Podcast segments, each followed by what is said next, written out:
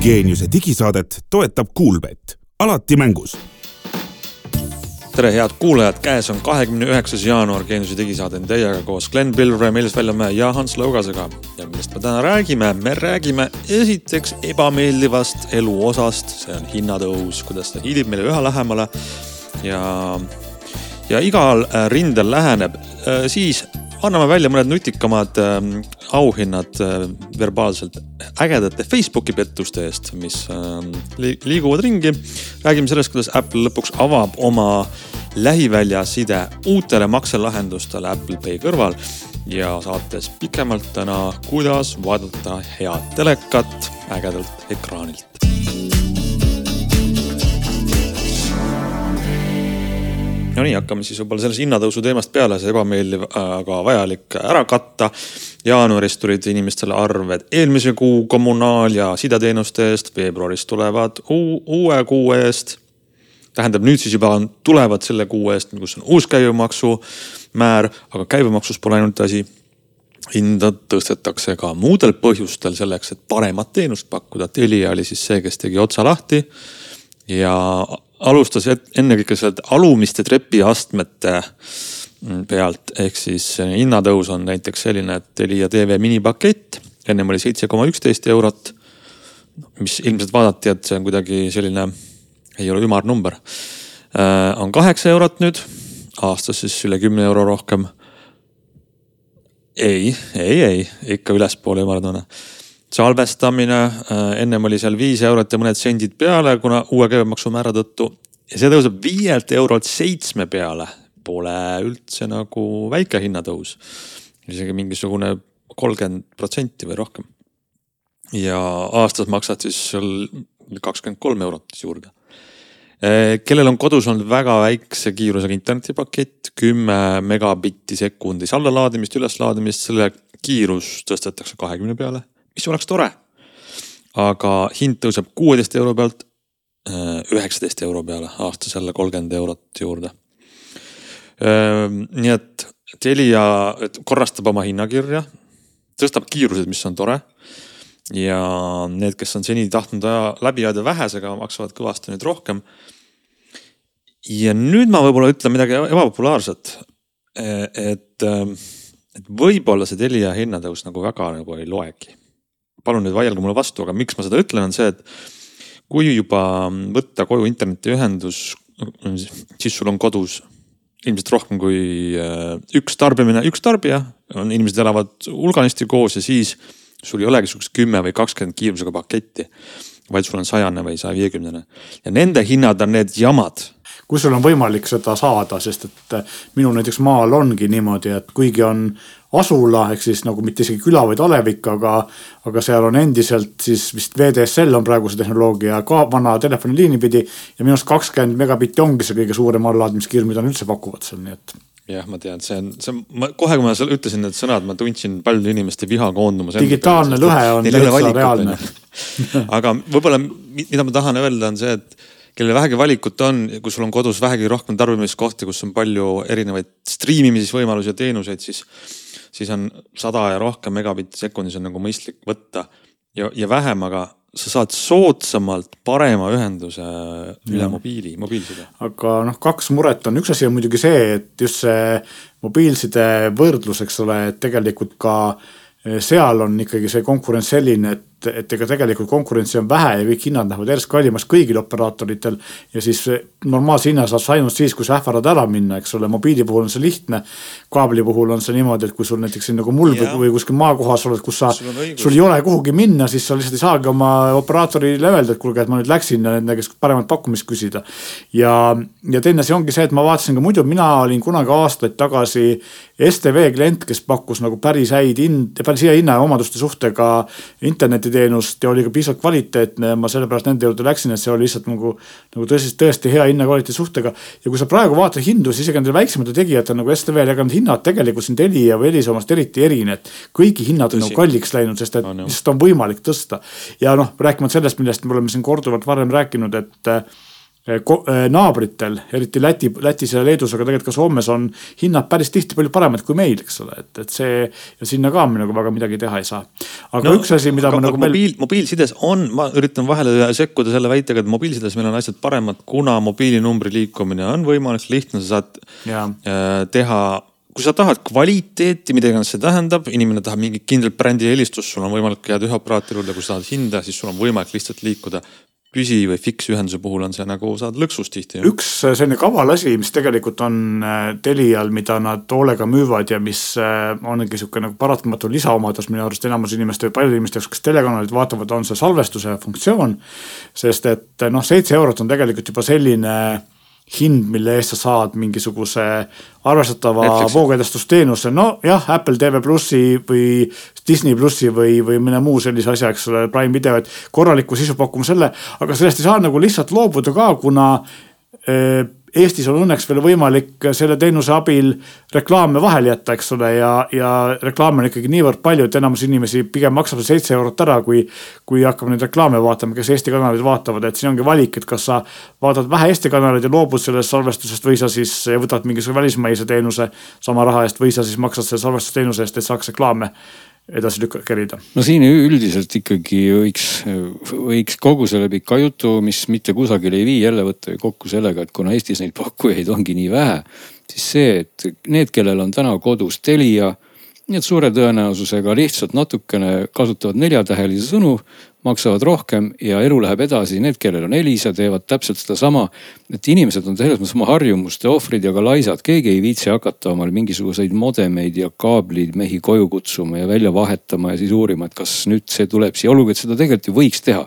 et ma ise ka praegu mõtlen, et, et miks mitte, et äkki peaks võtma Telia, aga teistpidi või, või vastupidi, need, kellel on Elisa võtma või noh, kellel on Telia võtma Elisa ja vastupidi aga ma ütleks, et seal on ka natuke selline vahe, et, et need, et küsimus ei ole isegi ainult hinnas, et nad on ka sisuliselt noh, mitte nüüd väga erinevad, aga nad on nagu erinevad väga paljudes aspektides, millest üks on ka näiteks kasutusmugavus.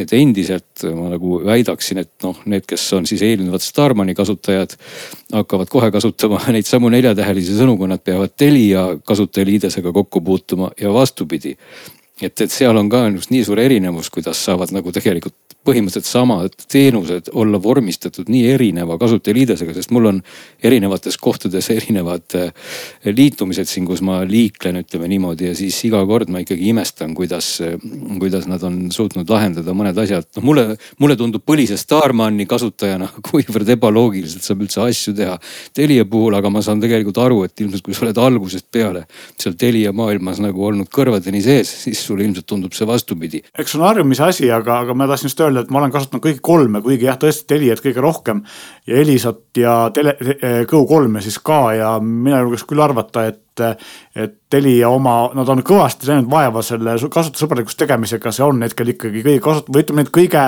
kõige sellise tead tehnikavõhiku inimesele kõige sõbralikum lähenemine jah, aga mõnes mõttes see ei loe, sest sinu näide on, et sa oled kõiki proovinud, on nagu ebatüüpiline. Just. pigem on nutikas see, et sa harjud ära ühe kasutajaliidesega ja sa ei taha vahetada, ükskõik, kas sa harjud A, B või C-ga, oled jood Pepsit, Cocat või siis äh, mis, mis iganes kolmas must limonaad on, aga. no see tegelikult on on ka tegelikult suur innovatsioonipidur, nii paljudes kohtades me teame, et näiteks äh, ei äh, Apple ega Google ei taha iOS-i või Androidi väga palju uusi muudatusi tuua, sellepärast et kui inimestel on ikka ikoon on teise koha peal või teist värvi, siis kohe on paanika, eks ole, et see kasutusharjumuse jõud on väga-väga suur ja seda on veel kord ikkagi öelda, seda on raske ka, seda on keeruline, seda on tülikas lihtsalt vahetada, et kui me räägime siin täpselt sellest kodusest teenusest. ja need inimesed, kes televiisorit ikkagi tarbivad, tõsi, ilmselt nende inimeste hulk ajas mõnevõrra võib-olla väheneb. aga kuniks see hulk ikkagi on, siis on seda, on seda tülikas teha ja, ja., ja selle varjus tegelikult noh, eks lõpuks paneb nii-öelda turgu inimeste maksejõud selle paika, et kui kõik Telia kliendid hakkasid, hakkaksid streikima, et siis võib-olla midagi muutuks.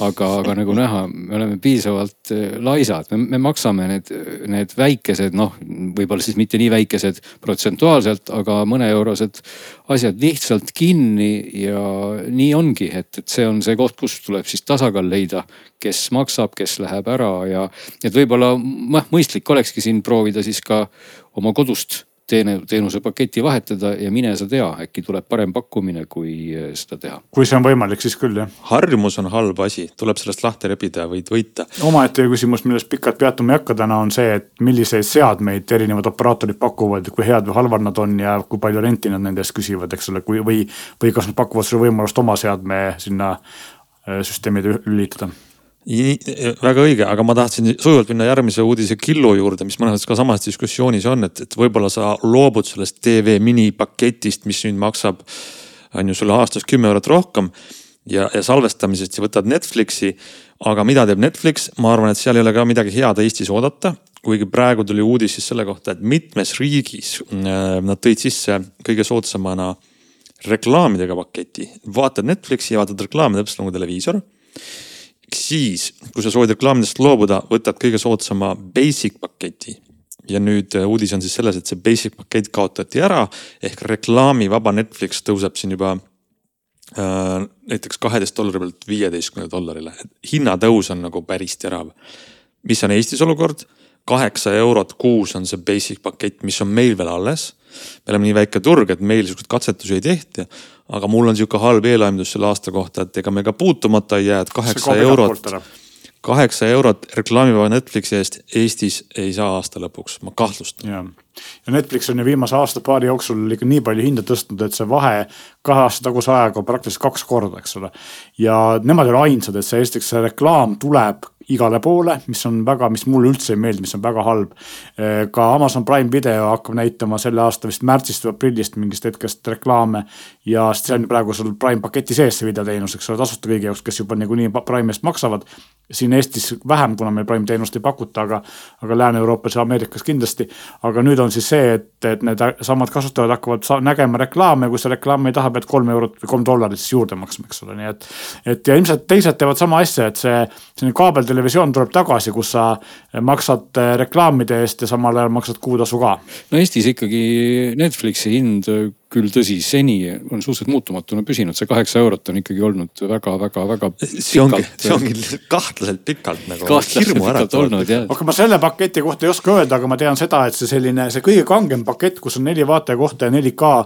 selle hind on selle jah, selle hind on muutunud Eestis muideks vähem jah, sest meil on päris Väga hea vähem. hinnaga.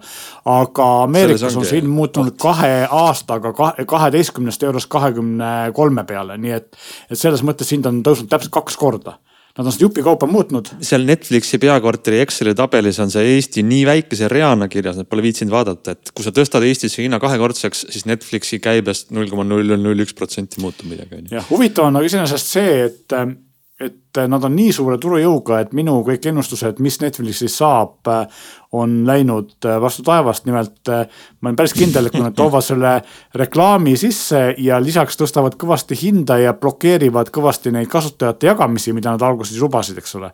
siis äh, nende kasutamine kukub kolinal ja, ja väga paljud inimesed lähevad Netflixist ära. aga tuleb välja, et seda ei ole juhtunud, vastupidi, et nende kasutajate arv järjest suureneb, nii et see valem, mida nad on teinud või arvutused on tegelikult õiged olnud ja nad on väga targad seal oma nii-öelda no kes, ja kes aktsiaturgu jälgib, näeb, et Netflixil läheb börsil väga hästi ja hinnatõus on ja kõik on väga rahul sellega, nii et. tegelikult lõpuks, ikkagi räägitakse. meie maksame kinni selle hästi minemise. tundub, tundub, et selle, see hästi minemine on veel ka selle poolest hästi läinud, et kõik see asi eh, lõpuks läheb sinnamaani, kus äh, teistel äh, konkurentidel läheb halvemini ja tegelikult teatavasti mõned aastad tagasi tegi iga endast lugupidav filmi ja sariõiguste omanik endale oma streaming teenuse Ameerikas ja üritas ka Euroopas neid eksportida. ja tundub, et see aasta on ikkagi see aasta, kus äh, mõned neist pildid kotti panevad või siis liituvad ja ühtlasi ka see trend on muutumas, kus ju Netflixil oli kunagi väga hea valik ja siis hakati ära võtma, siis kõik needsamad õiguste omanikud tahtsid oma kanalisse saada neid enda sarju, eks ole, ja siis. vähemalt Ameerikas hakati Netflixi käest väga palju eh, filme, sarju ära võtma ja enda kanalitesse tooma. Euroopas on asi mhm, meil vähe parem, kuna meil siin ikkagi paljusid asju ei pakuta, siis üritatakse kuskiltki see raha kas Netflixi kaudu kätte saada. aga nüüd tundub, et, et Netflix on sõlminud hunniku uusi lepinguid nende samade tegijatega vanemate sarjade ja filmide Netflixi tagasitoomiseks, ehk siis nad on selle küüru ka edukalt üle elatud nii-öelda. elab hästi küll jah, täpselt. no Eesti on olnud muidugi erinevate uuringute põhjal, mis vist on suhteliselt sama tulemust näidanud ka piraatluse osakaalus muide kogu aeg suhteliselt eesreas, nii et ega Eesti inimene on ikkagi selles mõttes nutikas, ta on tulnud sellisest süsteemist, et kui midagi on tema jaoks liiga kallis ja see on intellektuaalne omand, siis võib seda vabalt varastada. õige, rehepapp ikka tööl ja. just, et, et see tähendab ka seda, et, et ega igasugused Netflixid ja muud sellised teenused, ega, ega meie regioon on täpselt selline koht, et siit ei teeni palju raha aga võib juhtuda, et kui sa siit ka küsid raha, siis inimestele tulevad meelde, et tegelikult on võimalik ju filme saada tasuta, kui olla nutikas. ka mina olen kuulnud, et see, see piraatlus on nagu ka meil natukene uuesti tagastunud tänu sellele, et need hinnad tõusevad järjest ja majandus läheb kehvemaks. aga mujal maailmas on see veel hullem, et kõik just seesama eh, fragmenteeritus ja see Netflixi parooli jagamise keelustamine ja kõik see tegelikult on Ameerikas ja Lääne-Euroopas eriti Ameerikas tõstnud oluliselt piraatluse nagu sellist populaarsust uuesti, kuigi see on keerulisem, kui ta vanasti oli, aga ikkagi on võimalik. ehk siis tegelikult äh, nende streaming platvormide turule tulek tegelikult äh, vähendas piraatlust päris korralikult ja ikkagi noh, nagu väga, väga korralikult. ja nüüd need igasugused piirangud ja hinnamuutused äh, toon, vastupidi, on selle tagasi toonud, et see võib-olla on koht, kus need õiguste omanikud ja, ja voogedastusfirmad võiksid õppida no see on tasakaal, mida otsitakse sellises igaveses tsüklis on ju aga vaatame edasi, kui pärast äh, Teliale maksmist ja Netflixile maksmist on raha veel alles jäänud, siis on siin mõned nutikad viisid, kuidas sellest veel ilma jääda. Äh, Facebooki pettuste kaudu äh, kaks huvitavat asja jagada. esimene on, mis levib maailmas rohkem, on siis sellisel moel, et inimene, keegi saadab sulle Messengeriga kirja, sõnumi või siis Facebookis teeb postituse väga dramaatilises stiilis, et ma ei suuda uskuda, et meie lähedane tuttav on nüüd kadunud lingil on uudis, et äh, saatuslikus autoavariis keegi hukkus ja sinna klikkides avaneb siis võlts uudisteleht, mis palub äh, maksumüürist möödapääsemiseks sisse logida Facebooki kontoga.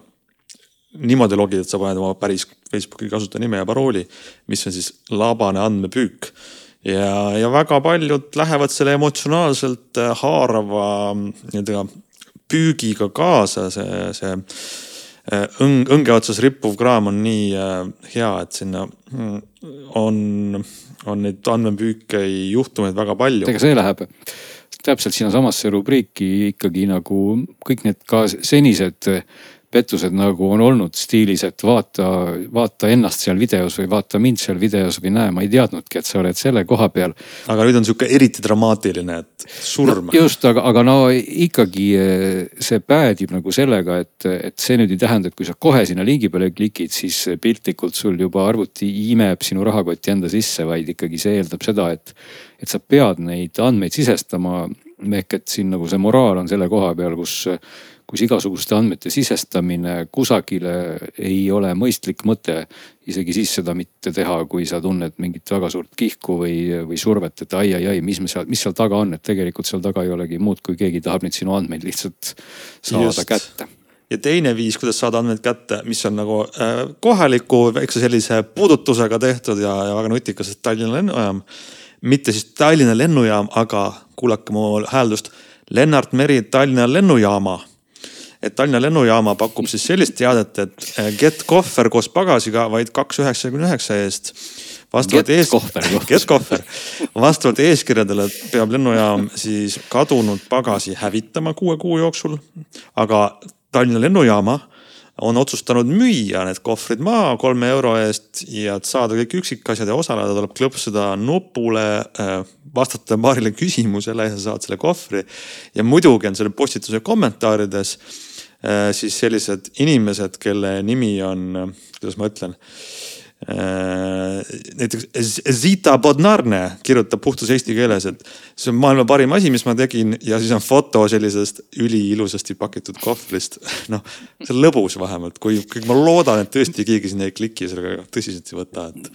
aga samal ajal see on iseenesest ju äriidee, no see ei ole üldse paha, et kui sul on ikkagi kohvrid, mis on juba piltlikult läheksid prügikasti, miks siis mitte tõesti müüa ja mis, mis võiks olla veel huvitavam kui osta kellegi kohver, get kohver ja mine sa tea, mis asju seal kõike võib ju sees olla peale hambaharjade ja, ja muude vahendite, et, et see tundub iseenesest jaburalt nutikas ja samal ajal ka tõesti lõbus idee, et, et iseenesest Tallinna lennujaama võiks selle peale ju mõelda, et mitte üldse skämmida, et hetkel, hetkel ikkagi ma saan aru, et, et miks kui nüüd tahate seda kohvrit sealt osta, siis te. Helsingi lennujaama, Riia lennujaama, kõik lennujaamad võiksid get kohver ühe mängu teha. aga ühesõnaga, et praegu see meie jutu sisu on see, et kahjuks ikkagi sellist võimalust veel ei ole, et kahjuks te neid kohvreid päriselt ei saa osta, et, et parimal juhul te lihtsalt jääte rahast ilma, aga kellegi hambapastat koos kohvriga ta ikkagi ei saa. no aga siiski, kui ütleme, Teliale on makstud, siis on Netflixile makstud nüüd on lennujaamale on makstud selle kohvri eest ja raha on ikka veel alles, siis on nüüd veel üks uus võimalus seda kulutada. tahate osta viie euro eest latet või kaheksa euro eest vastlakuklit, mida kindlasti ka saab Tallinnast siin nüüd eh, enne vastlapäeva. Apple'il on nimelt selline väike oluline muudatus. pikemat aega on Euroopa Liit hoidnud Apple'i juhtkonnal sõrmi sahtli vahel ja pigistanud seda sahtlit täie jõuga kinni, kuni lõpuks juhtkond no, ütles. ikka väga pikka aega tegelikult, ütleme algusest peale. algusest peale on olnud see just, aga ei ole. viis aastat. ei ole piisavalt pigistatud ja nüüd uudis on siis selles, et Apple on soostub siis Euroopa Liidu nõudmisega ja avab oma tehnoloogia selleks, et iPhone'iga saaks kasutada muid äh, lähiväljamakselahendusi peale Apple Pay mis need võiks olla? pangad ja kindlasti tahaksid sellise asjaga tegeleda nii-öelda makselahenduste pakkujad, et no mis mul kohe pähe tuleb siin meie piirkonnas Revolut, Curve, Ever, mitte Everepay, mis see leedukate suur on, kes ka üritab siin makselahendusi pakkuda no,. ühesõnaga sellised, Everypay äkki, et ühesõnaga, et, et neid selliseid nii-öelda noh, kasvõi meie oma Wise, eks ole, et, et selliseid äh, makselahenduste pakkujaid, kes tahaksid seda teha, on kindlasti on. teine asi on see, et kas enam nad turule pääsevad ja tegelikult võib-olla ka ei oleks nad pääsenud varem, sest et ikkagi see sisse ehitatud asjade eh, muidugi mugavus ja selline võlu on, on täiesti olemas, sest tegelikult ka mina olen selle teema läbinud, et kuna noh, tehnika, tehnikuvõilis inimesena meeldib mulle asju testida, siis ka ma kasutasin enne seda, kui Androidiga telefonidele tuli Google Pay Eestis, kasutasin ma SEB eh, makseid, eks ole, siis nad pakkusid oma äpis Androidile makseid ja Apple'is, Apple'is nad ei saanud seda teha, eks ole. ja nüüd siis võib-olla saaksid. ja Swedbank pakub samamoodi, minu teada mõlemad pakuvad siiamaani aga niipea kui Google Pay turule tuli, nii ma liigutasin ikkagi selle põhimakse, panin oma seebi kaardi sinna eh, Google Pay'sse, kasutan seda, sest esiteks sellega ma saan kellaga maksta, teiseks ma saan eh, see toimub kiiremini, see toimub kaugemalt, see on mugavam, siin saab olla mitme panga kaardid, eks ole. ja lisaks sellele saad sa ka eh, panna erinevaid kliendikaarte ja asju, nii et noh, eks näeb. aga iseenesest on hea, et, et vähemalt nii kaugele on jõutud, et selline Apple'i tegelikult mõttetu müür on, on siis äh, murtud. Äh, me ei veel ei tea, millal see juhtub, sest et praegu on siis Euroopa Komisjon saanud Apple'i poolt ametliku pakkumise kirjeldused, kuidas nad seda teeksid ja see pannakse nüüd siis nende pankade ja, ja makselahenduse pakkujate ja, ja siis muude firmade, kes selle pakkumist huvitatud oleksid, poolt nii-öelda hääletusele või, või kogutakse kommentaare, et mida veel tuleks nõuda Apple'i poolt, et nad muudaksid või kas kõik on sellega nõus, mida Apple pakub. ja siis ilmselt kuskil siin selle aasta jooksul ka, ka need väravad avanevad aga jah, ma arvan, et, et tegelikult praktikas keegi, keegi kasutama väga no, ei hakka. vot see ongi see koht, kus, kus mina peaksin ütlema, näed, et kui Meelis kasutab rõõmsalt Google Pay, Pay'd, siis minul enamikus kohtades Google Pay ei toimi. miks? ja, ja üks, vot see on hea küsimus, sest ta ütleb, et tekkis tõrge. kui ma kui ma tahan näiteks, ma tahan näiteks SEB rakendusest lisada, muide, mida pakub mulle SEB äpp, ta, ta pakubki, et kas ma ei tahaks oma kaarte kasutada nüüd läbi Google Pay ja, ja ütleb, et palun tee seda. Ja siis, kui ma teen seda, siis mm, tekib tõrge ja aga..., ja peale seda, kui tõrge on ära tekkinud, siis ma ütlesin, ütlen selle kohta mõne lõbusa sõna ja kasutan jälle edasi SEB äppi, mis on juba ja mis, mis toimib. nii et vot selle koha peal on ilmselt minul mingi personaalne tõrge, et millegipärast minu pangakaardid sinna Google Pay'sse mitte kuidagi. äkki sul pole raha konto? ei moondu. ja äkki sul pole raha aga praktilisem küsimus on see, et lihtsalt mind huvitab nagu, kas sa oled ka proovinud sama kaardiga mõnda teist telefoni või vastupidi, sama telefoniga mõne teise panga kaarti? See läks nüüd väga keeruliseks, et, et no võib-olla ongi see koht, et kui ma, no ma nüüd iPhone'i peaksin mingil põhjusel saama või ostma, et siis noh, ma saaks ka kasutada võib-olla potentsiaalselt edasi veel SEB äppi siis ka iPhone'is, kui see võimalus näiteks tuleks. ehk et tegelikult minu segase jutu mõte loomulikult oli see, et, et no. kui tõesti eraldi teenusepakkujad tahavad seda nüüd integreerida, siis sellised minusugused gerondid, kellel on tõrge, saavad seda kasutada, aga loomulikult kõik teised edumeelsed inimesed on ammu kolinud üle juba sellistele laiemalt levinud äh, platvormidele, kus siis tõrget ei ole. ma arvan, et isegi kui tõrget sul ei oleks, siis muutus tegelikult tegelikult ei pruugi midagi tähendada sel põhjusel, et ütleme, et ma olen siis moodsa Wise'i või Revoluti või mingi neopanga kasutaja, kõik mm -hmm. raha on seal ja nüüd Apple'i telefoni kaudu ma saaks teha viibimamakse oma sealt äpist. küsimus on selles et on üksikud sellised äh, early adopter'id, kes seda kasutaks, aga suurema massi jaoks on vaja mul usaldust, et see makse võetakse ka vastu. ja te ei kujuta ju ette, kuidas on igas kassas oleks siis iga kümne äpi kleepsud, et siin toetatud Wisepay, Revolut Pay, äh, mingi N kakskümmend kuus Pay ja nii edasi. aga Apple ja Google'i brändid on lihtsalt nii suured, et noh, need suudavad seda kasutajate äh, põhimassi ma... enda küljes hoida. arvan, et, et sa eksid Äh, äh, miks. et sa arvad, et tuleb arvan? kümme erinevat kleepsu ja kõigil on äpid, kõik kasutavad ja ei. inimesed näevad, et ma saan äh, seda tuleb üks kleeps, see, see kleepsusõda toimib ainult Ameerikas, ehk siis Ameerikas on päriselt niimoodi, et sul on Apple Pay kleeps ja Google Play kleeps, kleeps ja muud asjad. mitmes Eesti poes neid kleepse näinud olen, meil on lihtsalt maksa viipemaksega ja tegelikult mõlemad, nii Apple Pay kui Google Pay kui ka kõik teised toetavad ja peavad seaduse järgi minu teada või mingite regulatsioonide järgi toetama eh, konkreetset Euroopas eh, sertifitseeritud makselahendust viip, viipemaksete jaoks eh, mille on siis minu teada Mastercard ja Visa välja töötanud või keegi nendest. ja, ja see töötab ja piisab sellest, kui sul on see selliste lainetega ikoon, eks ole, seal kassas ja kui sul on viipemaksega telefon, samamoodi töötab näiteks Huawei telefonid Curve'iga Eesti poodides täiesti edukalt. ei ta töötab küll, aga, aga see oleks väga tore, kui inimesed oleks niivõrd julged ja, ja see, ütleme sellist ähm, tõrget ei oleks ja nad teaks kõiki standardeid, aga ma lihtsalt olen nagu skeptiline, et, et meiesuguseid on palju. ma oma keelust juttu nagu selgituseks tahtsin lihtsalt öelda, tuua sellise näite, et kui me rääkisime kleepsudest ja sellest, kas on kümme kleepekat, et, et täpselt samamoodi on ju see, et paljude poodide ukste peal on see, et sa saad maksta Visaga ja Mastercardiga ja, ja ma ei tea, võib-olla mõnes kohas American Expressiga. ja noh, paljud meist või paljud inimestest on kunagi vaadanud neid kleepekaid, nad teavad, et poodides saab viipekaardiga või kaardiga maksta, nad maksavad, et samamoodi on sa, see et.... sa vaatad neid kleepse siis, kui sul on American Express rahakotis, kellelgi ei ole just. ja kuskil ei saa Aga ja otsid no., kas siin saab. ja kui mul on nüüd Revolut Pay telefonis, kas ma saan Revolut Pay'ga teil maksta, vabandust, kleepsu ju ei ole. selles on see tõrge, mida ma näen. regulatsioonide eesmärk ongi see, et vahet pole, kas sul on Revolut Pay või sul on Apple Pay või Google Pay või sul on SEB või Swedbank, kui sul on viipemakse toega telefon, siis viipemakse töötab. ja inimene ei pea muretsema ja see tegelikult on üsna hästi praegu töötab. aga siiski ütleks ma veel selle meie pika jutu lõpetuseks, et, et igal juhul ka need inimesed, kellel viibemaksed ja kõik suurepäraselt töötavad.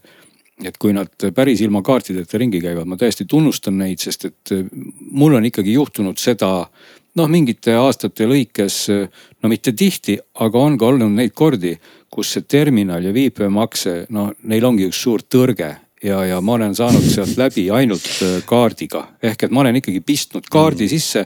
et tegelikult enamasti ma ei kasuta kaarte, aga mul on nad alati taskus. nii et me oleme ikkagi täna maailmas, kus paratamatult see tõrge võib tabada ja siis. mida sa ütled, kas järgmiseks räägid, et sularaha peaks kaasas kandma või? tundub küll, tundub küll nii vist sest muidu juhtub see, et äkki, äkki pank saab teada, mida sa ostad. aga tegelikult ja. on, on tegelikult on see, et minul on samamoodi, ma olen käinud ilma kaardita ja see küsimus on selles, et, et kui ma, kui ma välja lähen, siis noh, kas ma, ma ilmselt tean, mida ma kavatsen osta, et kui mu summa on suurem kui see seaduse järgi piiriks olev viiskümmend eurot, kus on vaja PIN-i, eks ole, siis ma võib-olla ilmselt võtan kaardi igaks juhuks kaasa. kui summa on väiksem. tõsta seda ma... limiiti muide, sa saad viipemaksega maksta üle saja. sada viiskümmend on vist jah Eestis. ei, sa saad tõsta ja..., sa saad tõsta seda üle saja, kui sa tahad oma äpist, panga poolt nii-öelda, nii et. point on lihtsalt selles, et et kui mul on telefon ja kell ja telefonis võib olla mitu erinevat virtuaalset kaarti, siis ma ei ole veel kogenud seda, et seda nagu see ei õnnestuks ja.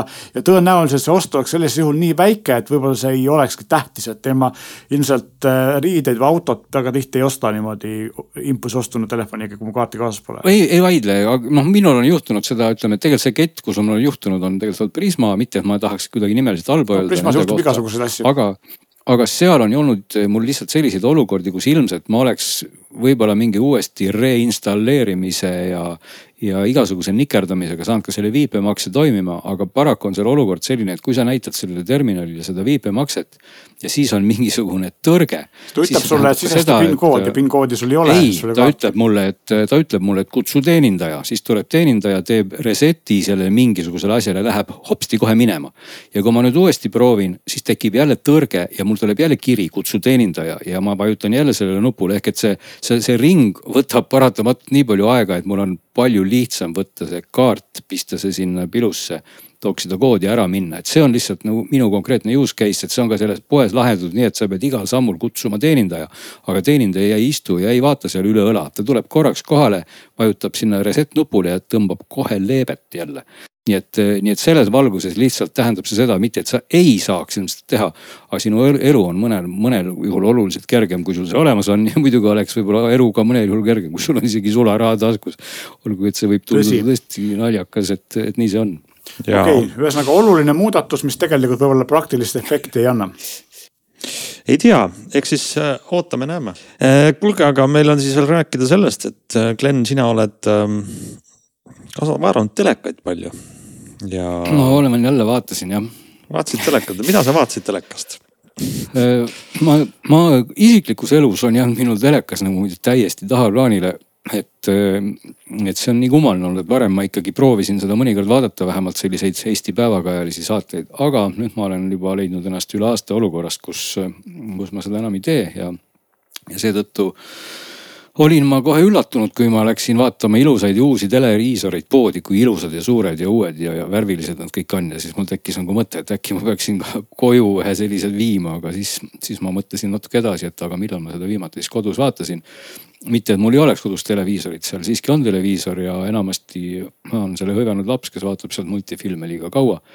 Aga need televiisorid siis, mida ma praegu poes vaatasin, liigituvad Oledideks ja sellise keskmise hinnaklassi televiisorid mitte siis need kõige-kõige kallimad Oledid, sest juba me oleme täna sellises maailmas, kus meil ei ole enam isegi kõige kallimad Oledid, vaid meil on mingi valik neid Olede. mis mõttes, et, et Oledid võivad ka odav, odavad olla, tahad öelda või, või mis? no tuleb nii välja jah, muide muide see üldse ka hämmastas mind järjekordselt, et kui siin me kogu aeg räägime hinnatõusudest ja kes, kellel tõuseb rohkem ja vähem, et seda, kellel ei tõuse nagu ei olekski. siis tegelikult Oledide hinnad muide on pigem langenud ja, ja isegi vaatasin teatavaid statistilisi eh, näitajaid ja nii on, et ilmselt ikkagi see tehnoloogia levik on nii palju muljet avaldanud või, või mõju avaldanud, et. et veel aasta-paar tagasi naljalt sellist korralikku Oled telekat kuuekümne viie tollist alla kahe tuhande euro ei ostnud. aga täna pigem on vastupidi, et enamik nendest telekatest, mis siis sinna võrdlusse nüüd jõudsid, äh, maksid nad kõik alla kahe tuhande, tuhat kuussada, seitsesada oli vist, äh, oli kõige odavam mudel LG-lt ja tõsi, Sonyl oli hind ikkagi üle kahe. Need on siis kuuskümmend viis tolli? kuuskümmend viis tolli just mm, -hmm. et mhm. mina ikkagi seni elasin nagu sellises maailmas enda arvates, kus ma teadsin, et Oled televiisor, eriti kuuekümne viie tolline maksab nagu mingit hingehinda, aga, aga pigem mitte, et telerid on üldse noh läinud nagu odavaks meie kõikide muude asjade ja teenuste taustal, ma julgeks lausa nii öelda mm. -hmm. inimesed ei taha palju maksta, et ma toon teile suhteliselt hea näite siia vahele, et kui praegu maksab see klient Eestis olnud kuuekümne viie tolline teler sellise noh, ütleme keskmise, keskmise brutopalga Eestis või umbes niimoodi, eks ole, sinna tuhande kuuesaja ja kahe tuhande vahele. siis äh, aastal, julgeks öelda kaks tuhat, äh, kui mina tegelesin veel telerite selliste asjade müügiga, siis kõige kangem Philipsi kolmekümne kuue tolline matchline, mis tol ajal oli kõige suurem ekraan, mida võimalik osta oli, maksis viiskümmend kuus tuhat krooni ja keskmine palk oli siis ka alla kahe tuhande krooni nii et võite arvutada, kui suur see su suhe, suhtevahe on. ja inimesed ostsid no, neid kusjuures, mitte palju, aga osteti no siiski. nii et see nagu tähendab täna seda, et telekas võiks olla nagu pigem selline leivakõrvane asi juba, et see, see hind on nii palju langenud, nii et ühesõnaga see sissejuhatus võiks siis tähendada seda, et kui te mingisugusel ebaselgel põhjusel tahate ikkagi vaadata televiisorit, siis tasub täiesti võtta nüüd küll Oled teler, sest et Oled telerid on ilusa pildiga sain ma teada. no aga see on ju, see on ju vana uudis, sest HLE-d on, ütleme noh, kui sa ei otsi lihtsalt hinda telekas, siis on esimene soovitus vaadata ekraani tehnoloogiat Oled ja siis vaatad juba kasutajaliides ja kõik muu, aga, aga Oled kui selline on lollikindel valik, kas on nii? ei no ta on lollikindel valik absoluutselt, et selles mõttes nagu pildi mõttes tõesti eh, ega, ega noh, Oledi puhul, miks ta siis hea on, needsamad vanad asjad, et Oled on siis päris must, kui telekas on must, kui seal parajasti ühtegi valgust kribu ei ole, siis see, piksel seal taga ei helenda. mis tähendab, et tubastes tingimustes, kus ei ole siis väga valge reeglina, on väga hea kontrast, eks ole, sest Oled teleritel must on absoluutselt must, mis tähendab, et ükskõik kui vähe hele see pilt on, kontrast on sisuliselt lõpmatu, mis tähendab ju alati kõige mustema ja kõige heledama koha suhet. et see teeb juba Oled telerist väga hea pildi ka telerit. teistpidi muidugi, ega see teler endiselt ei pääse mööda meil täna sellisest pilditöötlusest ja kõigest sellest metsikust tarkvarakogusest, mis siis seda manipuleerib eest, tagant ja igalt poolt alates siis nii resolutsioonist kui ka vahekaadrite tekitamisest ja kõigest. nii et nagu endiselt, kui sa vaatad ikkagi sellist kehvema signaaliga sisendit, milleks pahatihti ka kvalifitseerub meie telekanalite sisu, mitte et nad, nad kuidagi sihilikult seda toodaksid, aga ikkagi see ei ole enamasti selline 4K HDR. siis telekad väga palju näevad vaeva, et muuta see pilt siis ilusamaks, vähemalt selliseks nagu paneeli resolutsiooni võimaldab. ja seal ikkagi teatavaid erisusi loomulikult on, aga see on, see on nagu rohkem sihuke maitse asi. teine, teine aspekt on siis tõesti see, et kui keda huvitab siis nagu väga see värvikamma selline standardiseeritus või, või vastavus nendele normidele, et seal võid ka mõõta piltlikult ennast segi peast, et see oleks ülitäpne, et mis on siis see õige värv ja mis ei ole. ja see enamasti siis juba mõjub tõesti hea kvaliteediga sisu puhul. noh, milleks siis täna me saamegi nimetada HDR sisu ehk siis 4K ja HDR. nii et siin nagu need, neid astmeid täna sisuliselt, kus me siis nagu telepildiga opereerime, ongi siis see HD ja full HD mis on siis see nii-öelda tavaline kõrglahutusega pilt ja siis on sellest aste kõrgem on siis juba siis HDR dünaamikaga pilt, mille resolutsioon on siis 4K ja mida näeb siis täna ainult eh, striimingutes. et, et see, see pildi kvaliteet, mis siis sellest 4K HDR sisust tuleb Oled telerite ekraanil, on tõesti märkimisväärselt ilus ja, ja kõik need neli telerit, noh, need neli kes meil Oled tootjatest täna Eestis saadaval on, Euronixist jällegi kõik need telerid tulid no siis äh, väga tuntud nimed kõik Sony, äh, Philips, LG, Samsung. see on väga huvitav tegelikult aspekt, et ikka neli suurt domineerivad. Äh, ja kui minna nüüd lihtsalt, lihtsalt odavat ja head telekat otsima, tõesti hinna peale välja, siis Hisense on siin hiinlastelt teinud nagu sellist odava otsa lihtsalt head lollikindlat suvilatelekat. kas Hisense'il ei ole Oledis siis üldse midagi? on, aga praegu hetkel ei ole vist siis pakkumist, kuna nende hinnaomaduste suhe kipub olema kehvem, siis nad peavad samamoodi ostma seda paneeli ikkagi LG või Samsungi käest ja, ja neil on ka see tarkvara osa siin Eesti äppide puhul on kehv ja siis, kui juhtub see, et see hind saab olema kallim kui näiteks LG enda oma puhul, siis pole ju mõtet pakkuda, eks ole, sest keegi seda ei osta. kui hind oleks kõvasti palju, kõvasti odavam nagu Hisensi LCD telerite puhul, siis oleks seal mõte jah, no täna on olukord, kus vähemalt Euronixi letil seda Hisense'i telekat Oledina ei olnud ja täpselt need neli olid. ja nendest neljast siis kolmel on LG toodetud paneel. Tõsi küll, siis nii-öelda see natukene noh, kuidas ma siis ütlen nagu vanemat tüüpi paneel või see LG EX seeria ja odavamat tüüpi mis siis tähendab oma olemuselt, et tegemist on siis valge mm, noh, nii-öelda white Oled. et valge LED, Oled paneeliga, kus siis värvifiltritega tekitatakse need värvid. et see tehnoloogiline erinevus nüüd äh, on mõnevõrra võib-olla oluline justkui, kui vaatad Samsungit, kes toodab enda paneeli ja Samsung on äh, täna siis äh, pakkumas sellist hübriidi kvant Quantum Dot kvanttäpist ja Oledist, et see tähendab seda, et kui, kui testil siis valgelt summutatakse värvifiltritega ja siis Samsungil Oled kiirgab tegelikult sinist valgust ja siis nende imepäraste kvanttäppidega siis nende spektrit teisendatakse vastavalt siis punaseks ja roheliseks. mis tähendab seda, et, et valgust ei summutata ja seetõttu Samsungi paneel, tõsi, on heledam ja on ka kasutegurlikum või energiaefektiivsem nii et see, see väike erinevus tuli välja sellistest absoluutmõõtmistest küll, et, et tõepoolest Samsungi paneel näitas erakordset eredust, et seal maksimaalne nagu nittides number, mis sealt tuli, oli tuhat kuus, seitsesada peaaegu, kui kõikidel teistel jäi ta ikkagi sinna tuhat pluss kanti.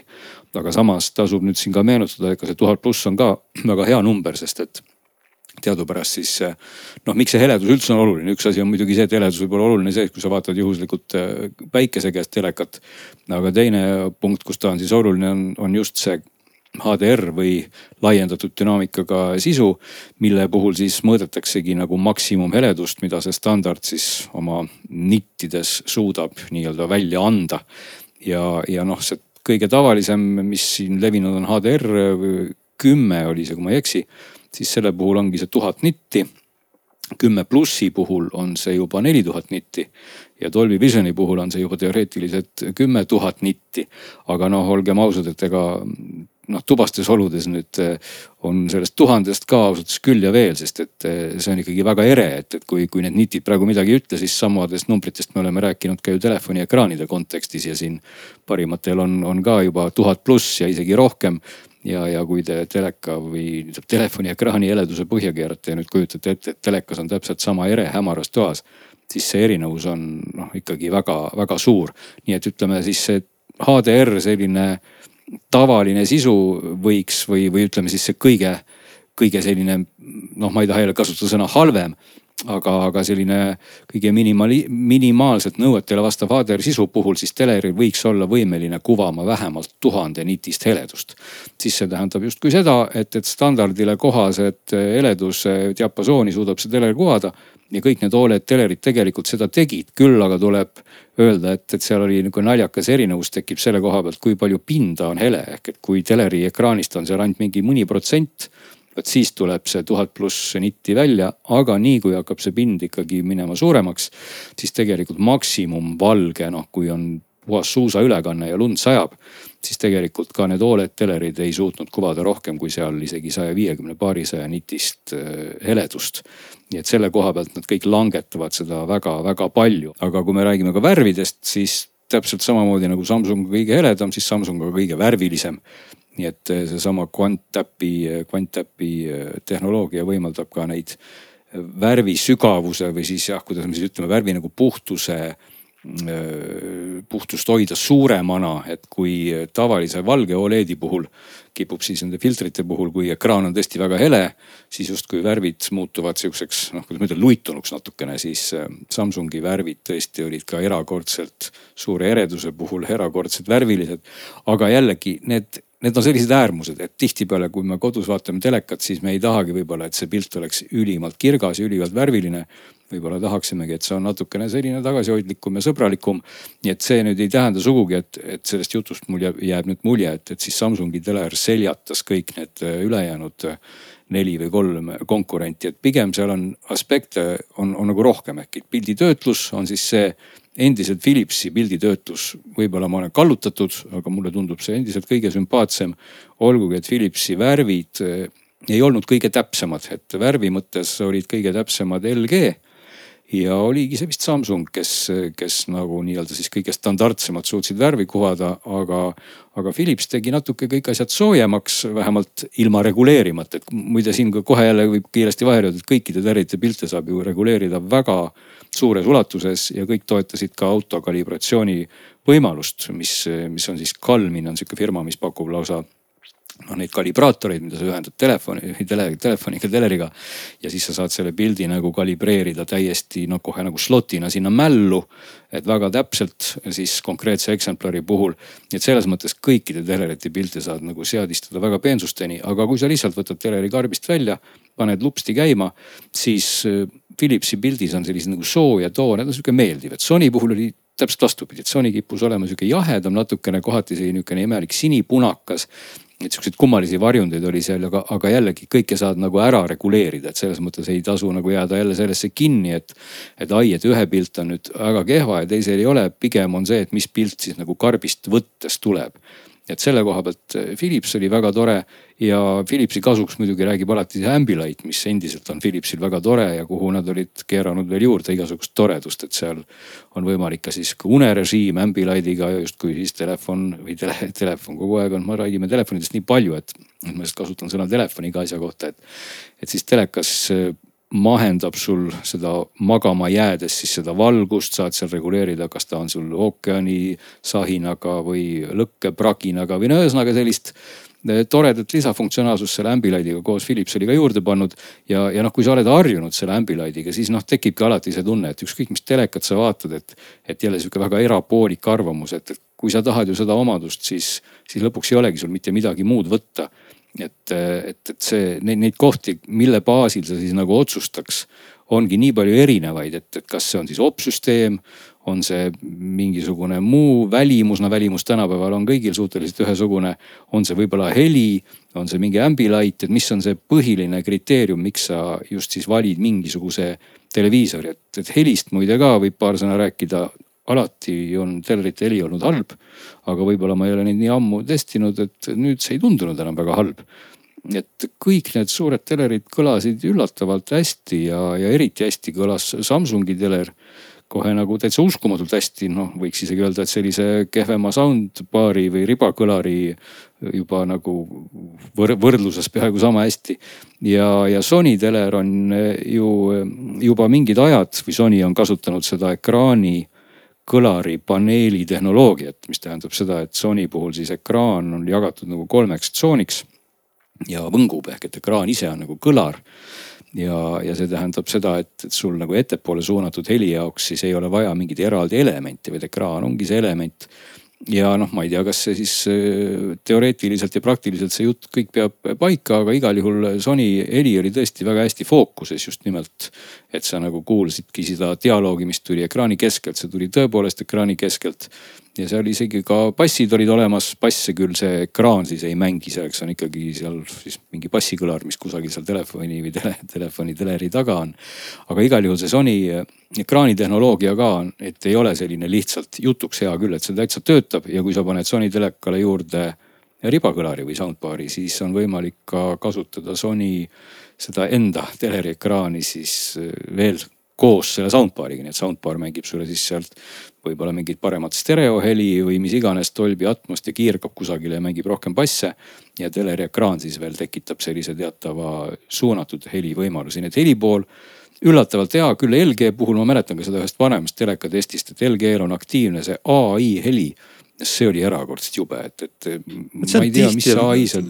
minu arust ka LG mudelitel on, sa võid saada selle ai mm, siis nii-öelda optimiseerimisega midagi, mis on tagasiminek. no vot jah, et ta oli nagu teistel äh, brändidel, ma ei ütleks, et see ai keeras midagi väga hullusti äh, sinna kohta, et LG puhul lihtsalt tõesti nii oli, et noh, kõigil täna on ju seda ai-d on seal äh, jutu peale ja jutu alla, et, et nii Sonyl, Philipsil kui, kui Samsungil, aga LG-l lihtsalt see ai heli oli nagu, nagu tõesti talumatult kole, et see oli esimene asi, mis tasuks kohe LG telekal teha, et, et panna mõni teine heliprofiil ja, ja need kasvõi see standard või mis iganes seal olid no, oli täitsa kuulatav, aga noh, muidugi, kui sa tahad ikka sellist filmiheli, noh siis igal juhul lisakõlar ei, ei tee ju paha mm. -hmm. ja noh, muidugi nüüd siis see opsüsteemide pool noh, see ei ole Olediga ei oma seal mingit seost. aga enne kui sa opsüsteemi juurde lähed, siis pildiga omab ju seost.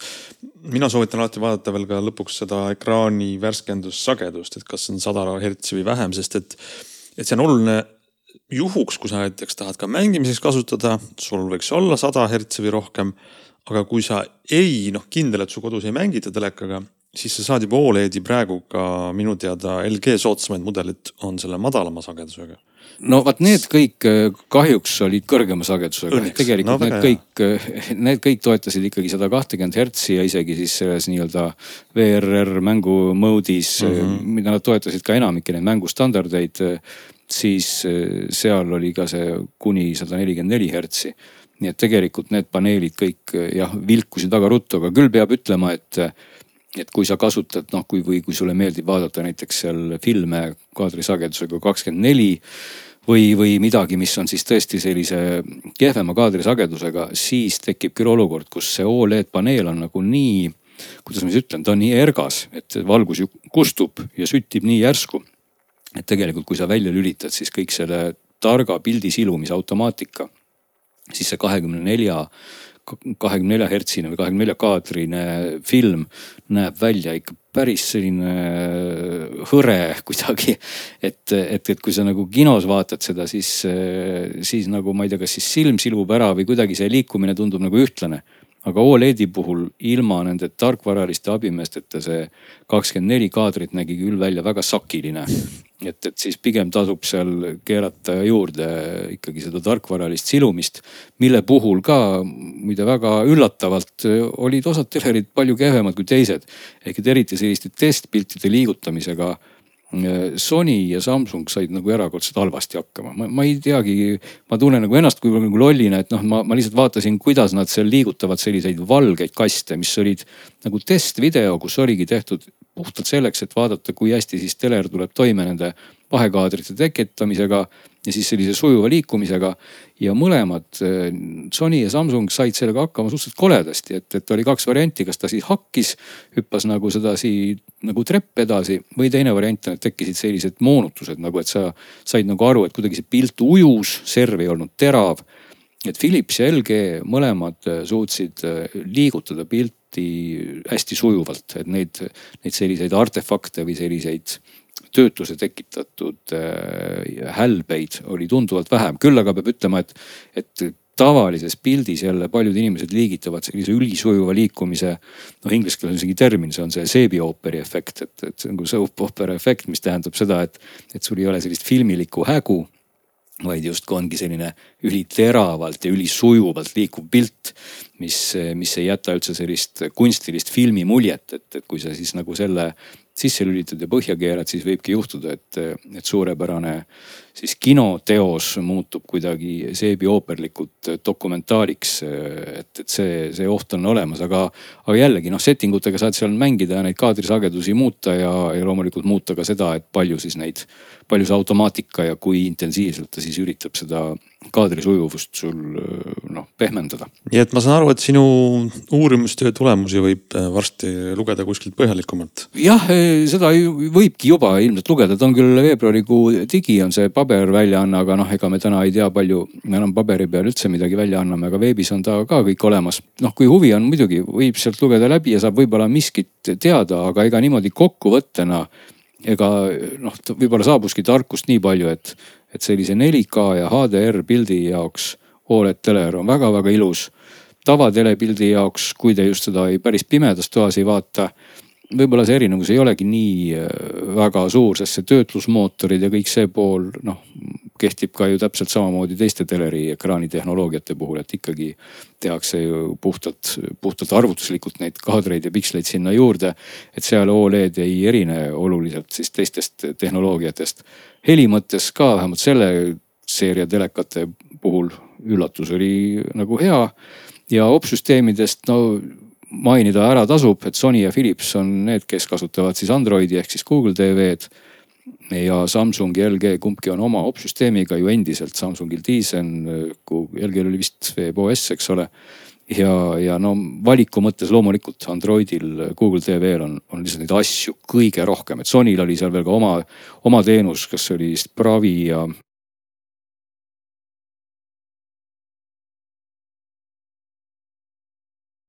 Bravia Core. Bravia Core, just. mis mulle väga meeldis. kus Sony enda sisu on siis ülivõrdes ja hea kvaliteediga ja noh, vähem pakitud, nagu nad väidavad ja tõepoolest, kui sa oled sellise tahad üli, ülivõrdes hea kvaliteediga filmi, siis sealt Sony teenusesse tuleb, seda teistel televiisoritel ei ole.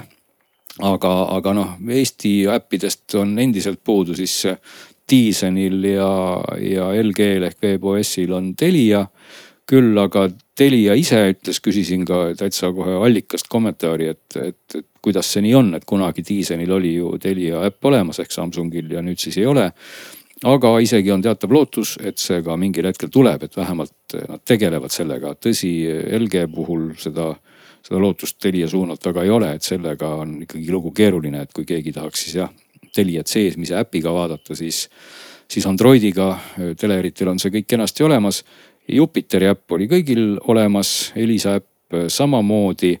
Et äh, ma veel jäin, jäin veel kinni sellisesse vanasse äppi Go3 nagu. ja Go3 ka jah, et nagu leidsin ühesõnaga sellise äpi nagu ETV, mis muide ka täiesti hästi töötas, aga tõepoolest võib-olla siis see kuidagi kattub Jupiteriga, et see on äkki uuem, seda ETV äppi ei olnud ka olemas siis nendel äh, mitte Androidiga teleritel, mis iganes, mis iganes äpp see on, et. et ma siin koha peal jällegi sõltub nagu inimese vaatamisharjumustest, et kui teil on kodus juhtumisi digiboks ja, ja te ühendate teleri siis HDMI kaabliga, siis loomulikult äh, võib-olla see äpi pool üldse nii väga ei huvita, aga noh, võib-olla järjest enam on siis neid vaatajaid, kes tõesti kasutakski seda teleri seesmist äppi ka kohalike telekanalite vaatamiseks, mis ei ole ju nagu halb mõte, et siis äh, on see oluline, et see äpp seal televiisoris oleks, sest tõepoolest ega, ega äppide valik ongi ju suur, kõik striimingu teenuse pakkujad on ju esindatud ja peab ka tunnistama, et, et seal mõõtmiste puhul, kui ma seal mõõtsin neid pildi heledusi ja muid asju, siis äh, äppidest otse striimides oli kohati kvaliteet parem.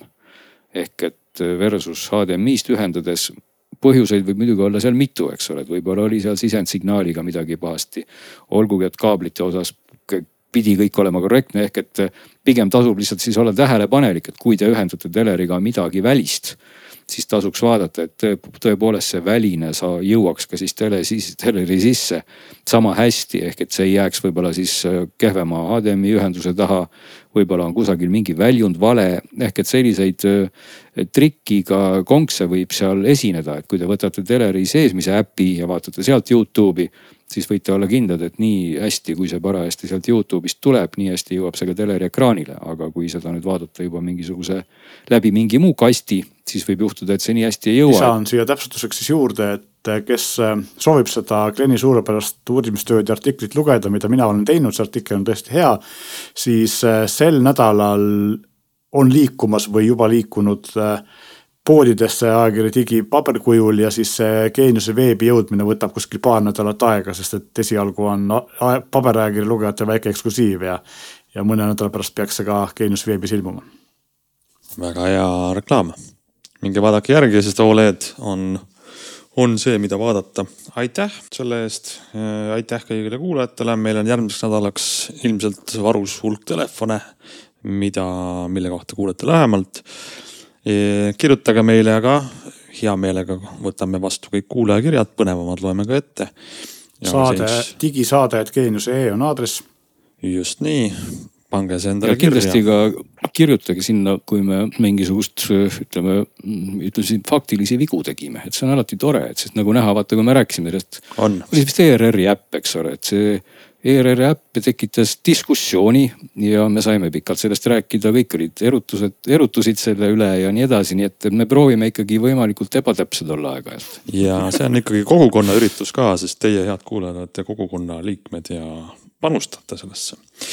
aga praegu ütleme kogukonnale aitäh ja järgmise nädalani.